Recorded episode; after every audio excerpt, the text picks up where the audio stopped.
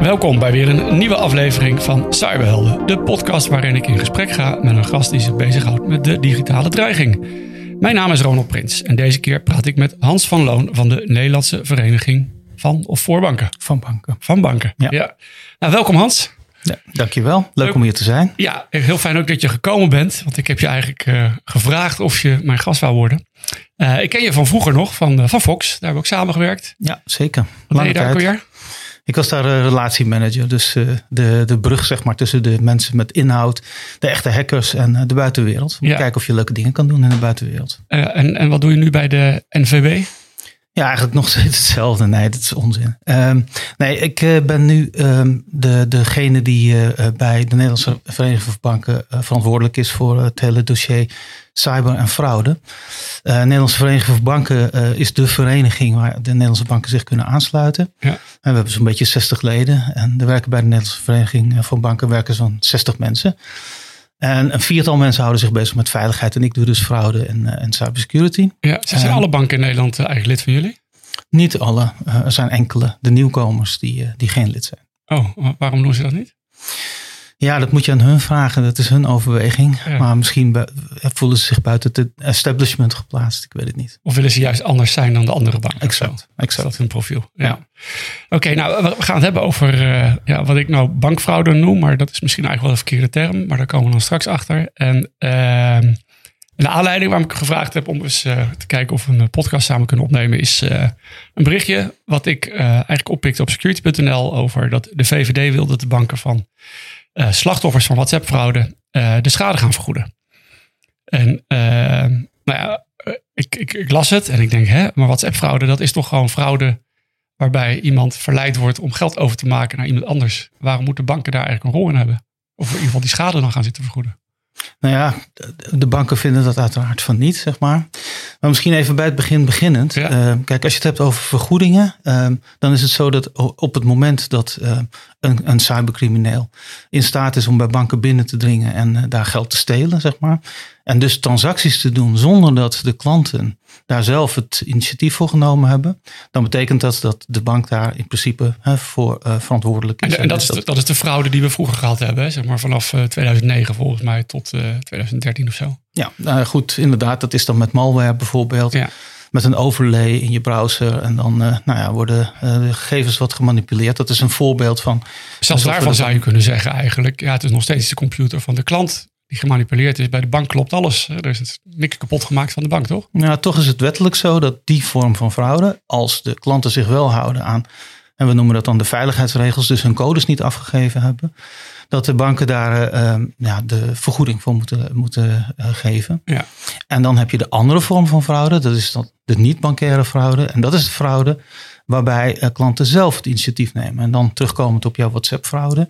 Ja, daar nemen ze zelf het initiatief. Hè. Ja. Ze worden eigenlijk verleid of ze worden overgehaald. Met een, met een slimme babbeltruc worden ze eh, verleid om, om zelf een transactie te doen. Dus eigenlijk geld over te maken naar criminelen. En dat, dat zijn van die berichtjes die van, eh, hoi mama, ik heb een nieuwe telefoon, want mijn eh, tas is gestolen. En eh, ik heb ook geen pinpas meer en eh, ik heb een nieuwe rekening, wil je geld overmaken? Exact, ja, inderdaad.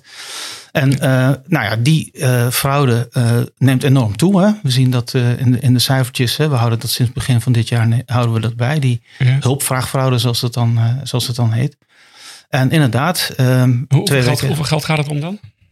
nou ja, over spoofing, hè, dus daar hebben we de cijfers eh, eh, gepubliceerd. Daar houden we ehm, ook eh, sinds vorig jaar houden we de cijfers bij. Dat spoofing dan- is een ander type. dat is een ander type, ja, dat Ja. klopt. Maar, Maar daar, specifiek de WhatsApp-fraude? Ja, WhatsApp-fraude zijn we nu aan het verzamelen. Eh, we moeten niet te vroeg naar buiten treden, maar het is fors. Dat, is is echt fors. heel fors, ja. Inderdaad. En stijgend ook. Ja, en dat is misschien ook wel de reden dat een Kamerlid ook zegt van daar moeten we wat aan doen. Ja, maar ook wel met in gedachten uh, wat er in december gebeurd is. Uh, want in december uh, is er ook een motie geweest in de Tweede Kamer. En die ging specifiek over bankhulpvraagfraude. En waarbij de, de, naam en of telefoonnummer van de bank misbruikt werden. Mm -hmm. Dat is ook een motie gekomen. Um, en naar aanleiding daarvan heeft de minister Hoekstra gezegd dat hij vindt, hij gaat in gesprek met de banken, dat is ook gebeurd dat hij vindt dat het eenduidiger het vergoedingenbeleid moet en coulanter. Dus wij zijn dat gesprek aangegaan.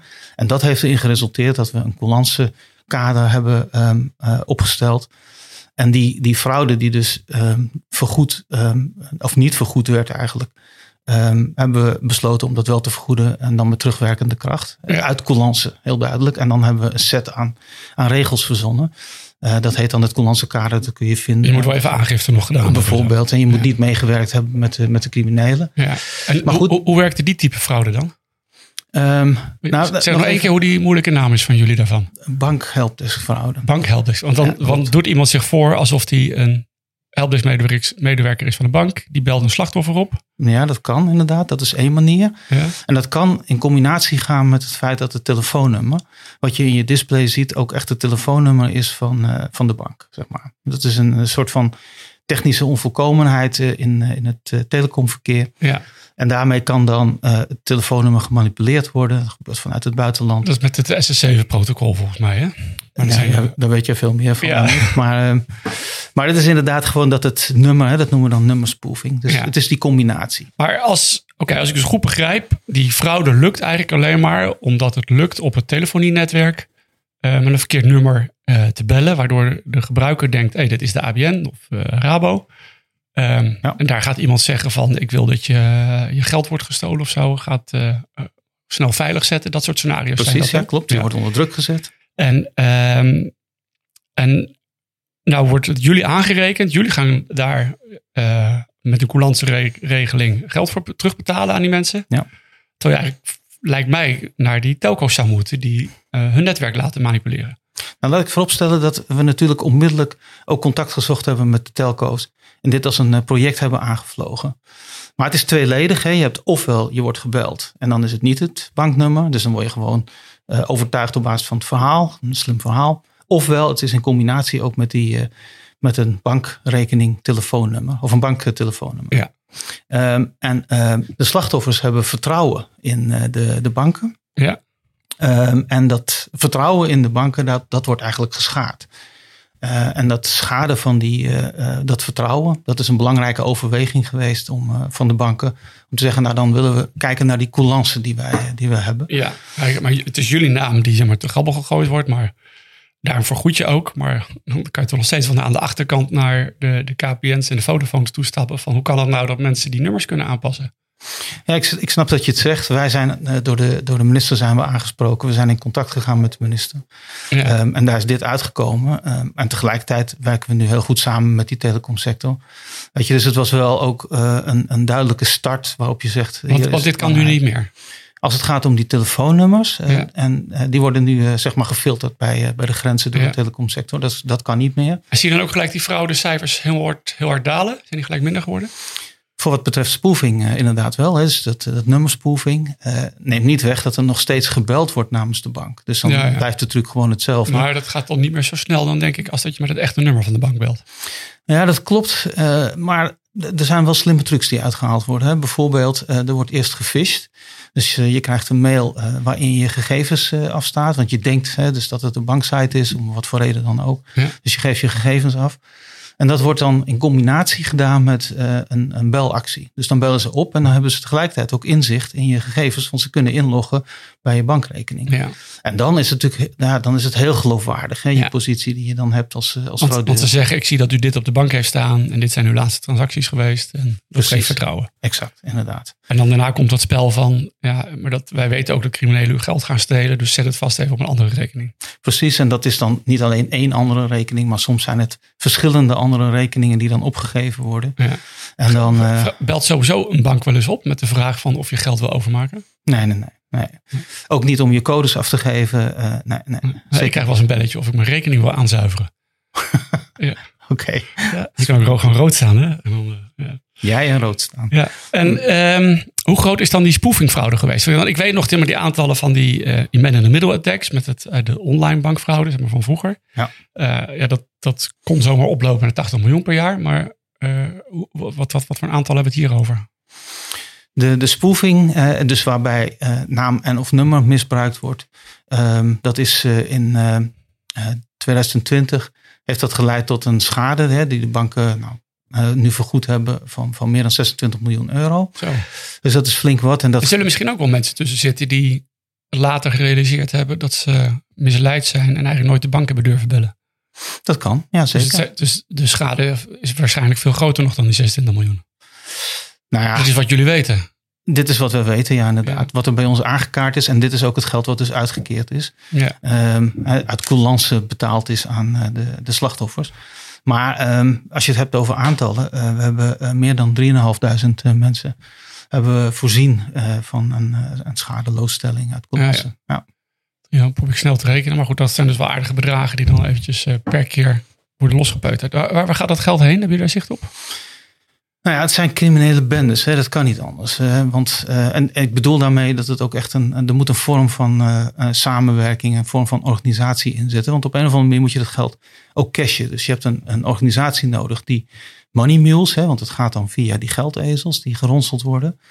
Eh, kwetsbare jongeren vaak die eh, eh, overtuigd worden om een bankpasje af te geven en dan met pincode erbij. Nou, die lijsten die, die hebben ze. Ja. En op het moment dat jij een succesvolle WhatsApp-fraude doet, bijvoorbeeld, of via spoofing, dan moet je die lijsten van beschikbare bankrekeningnummers van die money mules, moet je gewoon paraat hebben. En er moet gepind worden. Ook. Ja. Nou, dan heb je ook Want mensen. ze maken het uiteindelijk, ze gaan het niet weer doorzetten naar een andere rekening met die pinpas. Haal het cash uit een geldautomaat. Precies, dat is de, de meest gebruikte methode. Het gebeurt ook wel. Dan heb je toch Dat een fotootje ook van de daders? Ja, maar ja, die hebben natuurlijk wel hun, eh, hun voorzorgsmaatregelen genomen. Eh, Hmm. Dus die zijn onherkenbaar vaak. Dat doen ze Maar s'nachts met een capuchon op. Oh nee, s'nachts kan niet meer. Na 11 uur gaan de geldautomaten dicht. Ongetwijfeld dat Ja. ze dat soort dingen gebruiken. Dus dat is heel moeilijk te achterhalen. Maar het punt is dat ze echt wel een, een, een organisatievorm moeten hebben. Ja. Eh, En dat je, eh, hè, je moet ook mensen hebben die eh, overtuigend zijn aan de telefoon. Mensen die eh, het overtuigende verhaal kunnen houden. Die ook weten hoe banken werken. Hè? Want je wordt echt door de procedure heen geloodst. Ja. Eh, eh, bijvoorbeeld als je je geld over moet maken van je spaarrekening naar je eh, bankrekening. Dan zit daar een tijdsvertraging bij de meeste banken zit daartussen. Ja. En dan word je dan nog heen geleid. Oh, dan moet u nu eventjes En dat, dat is een maatregel die jullie als bank juist hebben genomen om dit te voorkomen. Ja, klopt. Maar zij weten met hun kletspraatjes die mensen ook weer gewoon die, die tijdsoverbrugging eh, te laten doen. Exact. We bellen u straks wel weer terug. En naar aanleiding daarvan zijn er ook banken geweest die ook die tijdslimiet flink eh, opgeschroefd hebben. Eh, want in sommige En gevallen. dat zit legitieme gebruikers weer in de weg dan. Nou ja, dat is altijd de, de afweging die je maakt, inderdaad. Wat je wil is dat je als bank zo eh, gebruikersvriendelijk mogelijk bent. En dat je je klanten te willen staat. Maar op het moment dat jij daarmee fraude in de hand werkt. of misschien gemakkelijk maakt. Ja. ja, dan moet je toch die drempel wat hoger maken. Ja. Maar dat is een continue afweging. Dat doet iedere bank voor zichzelf ook. Hè? Ja, en ehm, ja, uiteindelijk, want dus die, eh, die money mules, die, dat zijn dus rekeningnummers die bekend zijn. Je kan, je kan in Nederland geen bankrekening krijgen, denk ik, eh, zonder dat je je ID laat zien. Hè? Dus Ja. eh, die jongens die zijn wel te vinden uiteindelijk. Ja, als een, een, een klant, als die bij ons een klacht indient of zelfs ook een, een aangifte doet. Ja, dan is dat heel makkelijk te herleiden natuurlijk naar het bankrekeningnummer en vervolgens de persoon ook. En die personen worden ook vervolgd. Die personen worden vervolgd, ja inderdaad. En vaak heeft dat flinke, flinke consequenties ook voor die mensen. Ja, want je neemt zijn bankrekening af. Nou, het is zo dat we, we hebben een, een, eh, een waarschuwingssysteem eh, in, eh, in Nederland. hè. Dus banken onderling delen beperkt persoonsgegevens van mensen die gefraudeerd hebben. En zij Ja. komen op die lijst. En dat wil zeggen dat je eh, ja, soms eh, ook bankrekeningnummers afneemt voor een periode van maximaal acht jaar. Eh, dus dat Maar- heeft nogal wat consequenties. Maar- Geen leningen meer. maar moet niet iedereen een, heeft iedereen niet een soort recht uiteindelijk om toch altijd een bankrekening te hebben? Want als je het niet hebt, dan kan je niks meer in Nederland. Ja, dat klopt. En daarvoor zijn dan ook regelingen. Je krijgt dan een rekeningnummer waarbij eh, je, je onder toezicht staat van iemand. Oh jee. Ehm, dus dat is, eh, ja, dat is Dus echt als je hier aan meedoet, het is niet even snel geld verdienen. Uiteindelijk betekent het heel veel ellende voor de komende acht jaar. Ja, klopt. Dat kan inderdaad zeker grote gevolgen hebben. Ja. Zeker voor jongeren. Ja, en, ehm, maar die mules, die kan je dan vegen. hè. Dus de politie weet hier wat te vinden en die worden veroordeeld. Eh, ook nog, dan krijg je ook nog iets van een strafje, taakstraf of zoiets.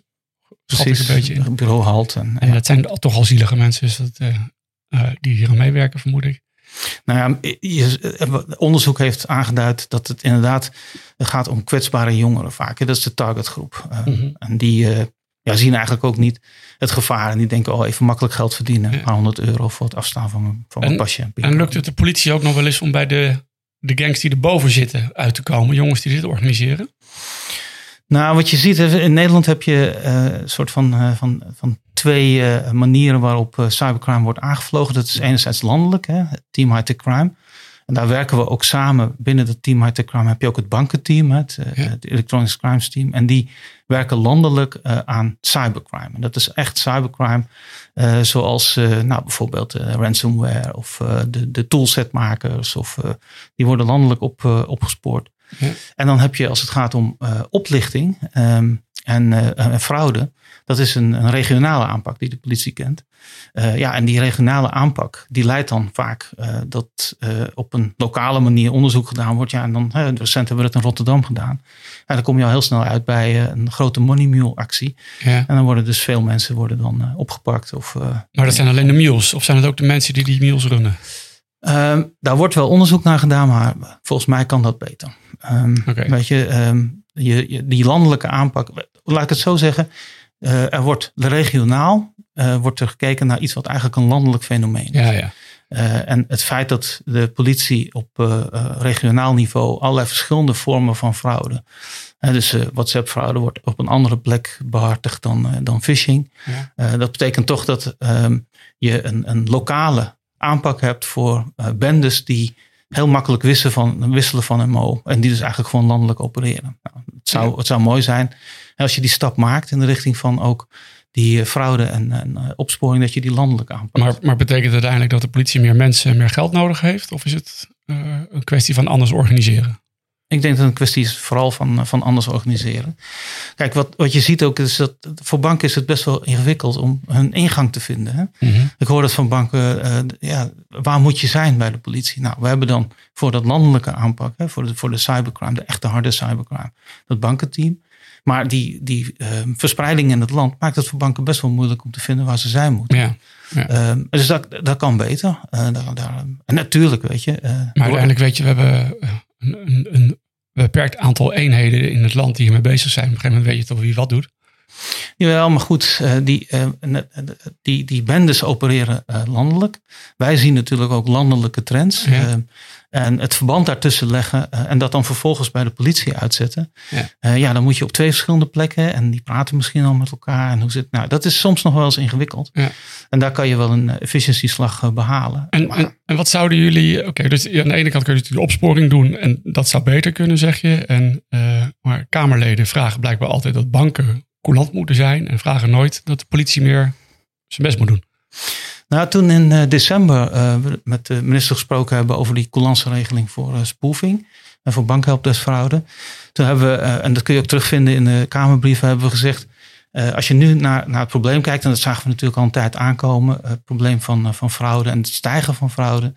Ja, dan zitten we echt op een, op een punt waarbij uh, je echt een integrale aanpak. Ik weet dat dat een, een rotterm is, want ja. sta je daar dan onder? Maar dat er een grote coalitie komt hè, tussen, uh, nou, we hebben dan gezegd drie ministeries die hier verantwoordelijkheid in dragen. EZK, Telecomwet bijvoorbeeld. Ja. Uh, Financiën, dat is ons eigen huisdepartement natuurlijk, maar ja. ook het ministerie van JNV. Telecomsector, big techs, ISP's. Ehm, politie hoort daar natuurlijk ook bij, de toezichthouders.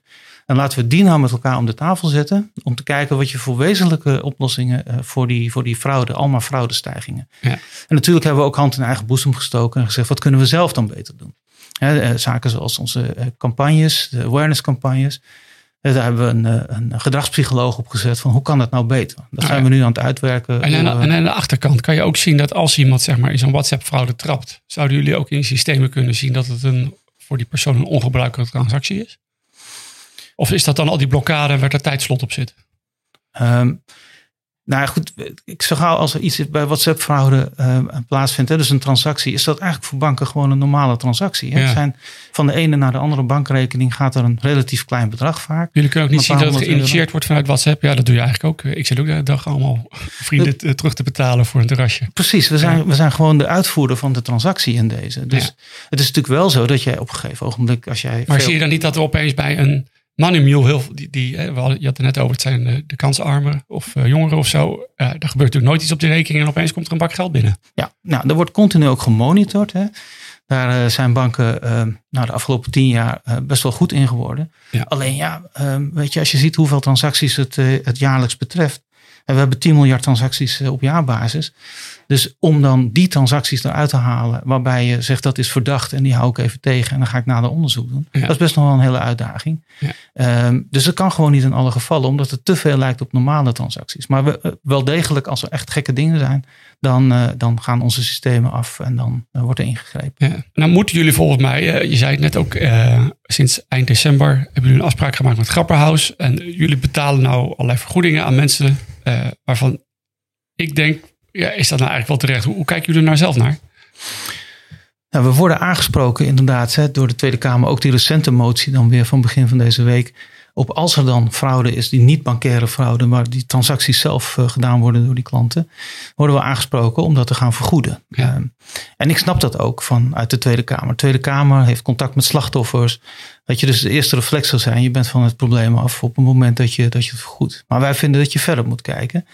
Want je moet kijken vooral naar hoe kan je dat dan zeg maar, integraal hè, aanvliegen. Hoe kun je nou met allerlei partijen, eh, inclusief hè, de, de overheid, eh, de, de private partijen, ervoor zorgen dat je die fraude terugdringt. Daar moeten, de, daar moeten accenten vooral liggen. Daar moet de aandacht naartoe gaan. Want als je alleen maar gaat vergoeden, dan heeft dat allerlei negatieve effecten ook. Maar feitelijk ben je de criminelen ben je aan het financieren via de achterdeur. Je bent onderdeel van het businessmodel geworden. Je bent onderdeel van het businessmodel geworden. Weet je? En dat moet je niet laten gebeuren. Ja. Je moet je juist richten op, eh, nou, zoals ik dat net al aangaf, die, die samenwerking tussen al die partijen. Ja. Die er uh, wezenlijk voor moeten eh, moet gaan zorgen dat uh, vanuit die samenwerking je het kan terugdringen. Dus dat het niet alleen is dat jullie vergoeden, maar dat er ook die criminelen gewoon gestopt worden.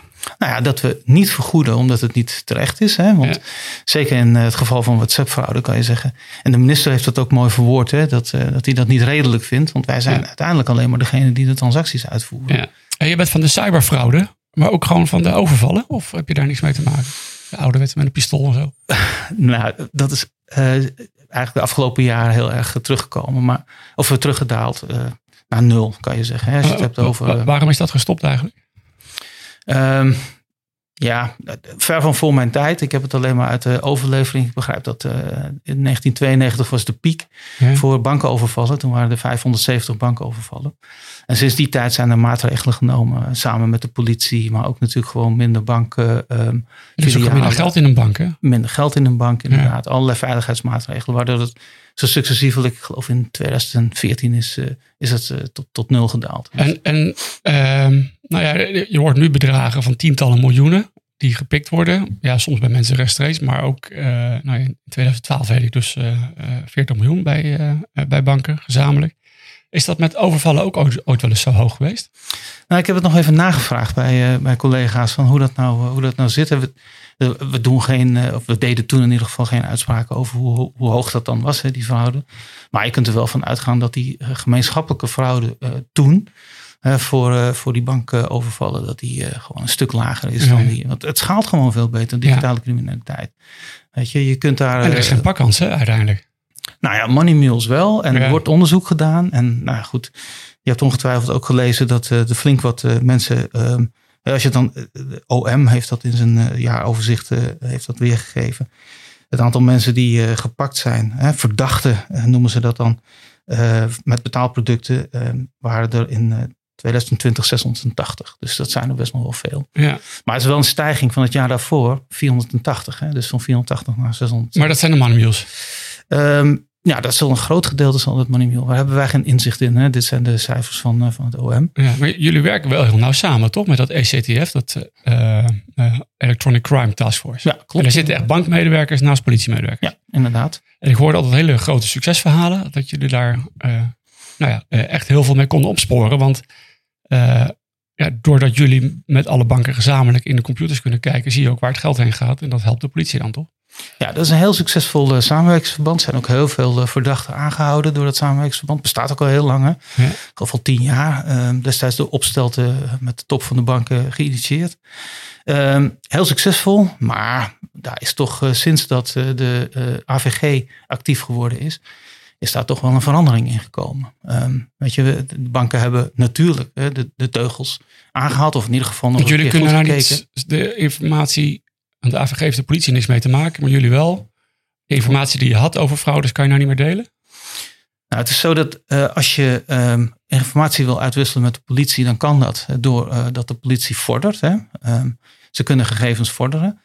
Alleen eh, dat vorderen, ja, om, om dat in te leiden, is het heel handig dat je als bank informatie deelt. Ja, de politie je moet wel weten wat ze moeten vorderen. Ja, nou, over het algemeen weten ze dat, maar weet je, je kan ze helpen daarbij. Ja. Dat hebben we jarenlang hebben we dat gedaan. Eh, maar sinds dat de, de AVG ehm, van kracht geworden is, zijn de teugels daar aangehaald. Ja. En eh, wordt er alleen nog maar gevorderd. En ook onderling tussen banken uitwisselen van gegevens. Ja, kan eigenlijk alleen maar met een vergunning. Hè? Vergunning van de AP. Je moet daar een reden voor hebben Ja. dat, je die, dat je die uitwisselt. Dus ook wat dat betreft zijn de teugels aangehaald. Maar- nou, als je dus kijkt wat de Maar iedereen vindt het toch prima om. Eh, iedereen wil toch dat zijn geld op de beste manier bewaakt wordt. Dus dan is het toch ook goed dat daar informatie rondgaat. Nou ja, we hebben eh, met elkaar in Europa hebben we privacyregels eh, hebben we afgesproken. Ehm, en ik snap ook, hè, dat is op zich ook heel goed, dat privacy van de burgers gewaarborgd moet worden. is ook een belangrijke taak voor de banken. Doen we ook. Alleen als het gaat om eh, ehm, ja, de bestrijding van criminaliteit, moet je af en toe eens kijken wat de, de verruiming van die, eh, van die mogelijkheden zijn. Daar staan we echt eh, pal voor. En het is ook zo dat dat, dat door de overheid gezien is. Hè. Er ligt nu een wet. Eh, de wet gegevensverwerking samenwerkingsverbanden, de Ja. WGS. Die is eind vorig jaar is die in de Tweede Kamer goedgekeurd. Daar wordt ook specifiek verwezen, hè, dus er is een motie ingediend naar de samenwerkingsverbanden die we hebben met de politie. Ja. Die zouden daaronder moeten vallen. Dat is ECTF en LMIO, landelijk meldpunt internetoplichting, ook Ja. heel succesvol. Ehm, en eh, dat zou dan de mogelijkheid kunnen bieden als kapstokwet dat je in dit soort samenwerkingsverbanden gewoon makkelijker gegevens kan uitwisselen. Waarmee je effectiever die, die boeven kan opsporen. Dus de AVG, heeft de deur heel, op heel veel plekken dicht gedaan. En alleen als het bij wet geregeld is, mag je toch ook weer informatie gaan uitwisselen. Nou, we hopen dat het die kant op gaat inderdaad. Maar het is wel de zo Tweede dat... Kamer heeft aangenomen, dan gaat de Eerste Kamer dat nu nog een keer doen. En dan, Ja, maar dat ligt er al sinds eh, december. Ligt dat in, eh, voor, voor, eh, voor bij de Eerste Kamer. En die hebben nu advies aangevraagd bij de Raad van State. Bij de AP, Autoriteit Persoonsgegevens. Ja. En ook nog bij een mensenrechtenorganisatie. En het duurt en het duurt. en, en die fraude blijft maar oplopen aan onze Ja. kant. Dus we zouden, we zouden echt een heel groot voorstander van zijn. Dat dat snel rondkomt. Zodat die gegevens gemakkelijker gedeeld kunnen worden met de overheid. En dat je dan vervolgens ook dan die pakkans gewoon eh, verhoogt. ja, ja, want ondertussen, nou, die wet ligt er dan wel, maar de Kamerleden wijzen naar jullie. eh, valt mij op om eh, allerlei criminaliteit te stoppen. Terwijl je eigenlijk gewoon je, je, je rol doet. Hè? Met die WhatsApp-fraude, je maakt gewoon geld over. Eh, nou merk ik zelf persoonlijk, ik, moet bij, eh, ik zit bij een aantal banken. Ik moet bij één bank moet ik vertrekken. Want ik heb ooit geld geïnvesteerd in een eh, bedrijf wat een eh, bitcoin exchange is. En eh, ja, als je dat doet, dan ben je echt gewoon crimineel in de ogen van banken tegenwoordig. In ieder geval van één bank nu. Dus ik hoop niet dat de rest dit ook gaat doen. Ehm, maar de politie of OM heeft nog nooit bij mij gevraagd wat ik, hoe ik aan mijn geld kom of wat ik ermee doe. En, maar jullie als bank zijn een soort politieagent geworden of zo. Nou, er is een wet, een wet die ons poortwachter maakt. de wet witwassen en terrorismefinanciering. Ehm, en dat wil zeggen dat eh, die, en dat is ook een goede wet. Ik bedoel, niemand die eh, vindt, denk ik, in de Nederlandse samenleving. eh, het goed dat er witgewassen wordt, is gewoon stelen van de samenleving. En terrorismefinanciering ook, dat je daar naar uitkijkt. Dus wat we doen is continu uitkijken. En daar hoort ook bij dat je weet wie je klanten zijn. hè. Dat noemen we know your customer. Ja. Dus de banken hebben de verplichting om te kijken wie zijn nou die klanten die, eh, die wij bedienen? Ja. En eh, zijn er misschien dingen die eh, misschien niet door de beugel kunnen? Eh, nou ja, en daar wo- worden afwegingen in gemaakt ook van, van welke risico's wil je accepteren als bank. Want op het moment dat je de verkeerde afweging maakt en het blijft, blijkt dan toch een, een nou, criminele klant te zijn of criminele activiteiten te betreffen, ja, dan word je als bank op aangesproken, terecht op aangesproken. Dus daar zetten we echt heel veel inspanning En, dan, in. en, en nou ja, ik ben echt heel netjes. Het is ook wel duidelijk waar mijn vermogen vandaan komt. De herkomst van mijn vermogen. Er komt echt niet uit dat ik eh, foute bitcoin transacties doe. En toch nemen banken het zeker wordt onzeker en zeggen van eh, ga maar lekker bij een andere bankier. Nou, je veralgemeniseert, hè, risk appetite, dat is iets wat iedere bank hè, voor zichzelf bepaalt. En eh, nou, jouw bank heeft in dit geval die overweging inderdaad zo uit laten pakken. Ja. Ja, je kunt niet ontkennen, weet je, bitcoin, ja, dat is toch wel, dat wordt toch vaak eh, geassocieerd met eh, eh, nou, criminele activiteiten. Denk alleen maar aan ransomware. En, dus dat, dat, ja, het wordt daarom hè, voor veel banken uh, een risicovol, uh, als risicovol uh, gebied gezien. Ja. Nou, dan nemen ze een maatregel. Maar wellicht dat je bij een andere bank kan proberen. Ja, dat, ik, ik ben waar dat. Maar het is wel duidelijk om, om even goed te benadrukken dat witwas is iets anders. Hè? Dus het, het, de zoektocht daarna dan dat je fraude wil bestrijden. Dat, dat doen we real-time. Ja. We hebben monitoring systemen die real-time meekijken. Van uh, zijn er misschien frauduleuze transacties die we tegen moeten houden. Ja. Maar bij, bij witwas is het zo dat je gewoon terugkijkt in de bestanden naar al die transacties. En nou, op het moment dat je ziet dat daar mogelijk iets verdachts is, dan hebben we de verplichting om dat dan te melden. Hè. Dat heet dan ongebruikelijke transacties. Ja. Uh, en dat moeten we melden bij de overheid, de FIU in dit geval. Ja, en die gaan dan verder weer kijken van kennen we die persoon en is dat onderdeel van een grote patroon en eventueel een onderzoek starten. Precies, inderdaad, klopt. Um, nou, uh, er zijn mensen nu heel erg bang geworden die het allemaal gehoord hebben van uh, mijn geld verdwijnt. Uh, mogelijk, ik word ook een keer gebeld. wat zijn nou, zijn er nou een paar simpele dingen die iemand kan doen om te voorkomen dat hij een keer ergens intrapt? Ja, natuurlijk. Ik denk oplettendheid. Hè? Uh, dus continu toch wel bij jezelf nagaan. is dit wat, wat mij gevraagd wordt? Of de, de verzoeken die je krijgt via mail, via WhatsApp, is dat, is dat logisch? moet ik niet nog even extra verifiëren? Moet ik niet naar de bank bellen om even te verifiëren hoe het zit? Of als je zogenaamd van je zoon, dochter of een verzoekje krijgt omdat hij een ander telefoonnummer heeft, dat gewoon even na te bellen. Ja. Dus oplettendheid is heel erg belangrijk. En ik begrijp ook hè, dat dat heel erg ingewikkeld is en moeilijk is. Maar je, maar je vertelt het hier nu, maar volgens mij hebben jullie ook allemaal uh, spotjes op de radio. En uh, het heeft nog wat groter bereik, denk ik, dan deze podcast. Ja, klopt. En, uh, maar heeft dat nou effect? Die, of, is er niet, of is er gewoon altijd een groep mensen die, hoeveel je ze ook waarschuwt, altijd ergens in zullen trappen? Ja, weet je, awareness is natuurlijk altijd heel erg moeilijk te meten. En de effecten van, van campagnes zijn ook te meten. Maar je moet het doen. Je moet het gewoon doen. En we, recent hebben we uh, mijn collega's van de betaalvereniging een grote uh, campagne gestart. Uh, tegen WhatsApp-fraude, of althans de awareness te verhogen. Dat is dan via social media. Instagram wordt daarvoor gebruikt, maar ook andere social media. Ja.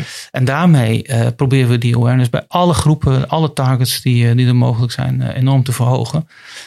Ja, en ik moet zeggen, weet je, het gaat soms ook wel heel geraffineerd, die, uh, die acties. Hè? Wat ik je net aangaf, als jij weet wat er op iemands bankrekening staat als crimineel, omdat je eerst gefisht bent.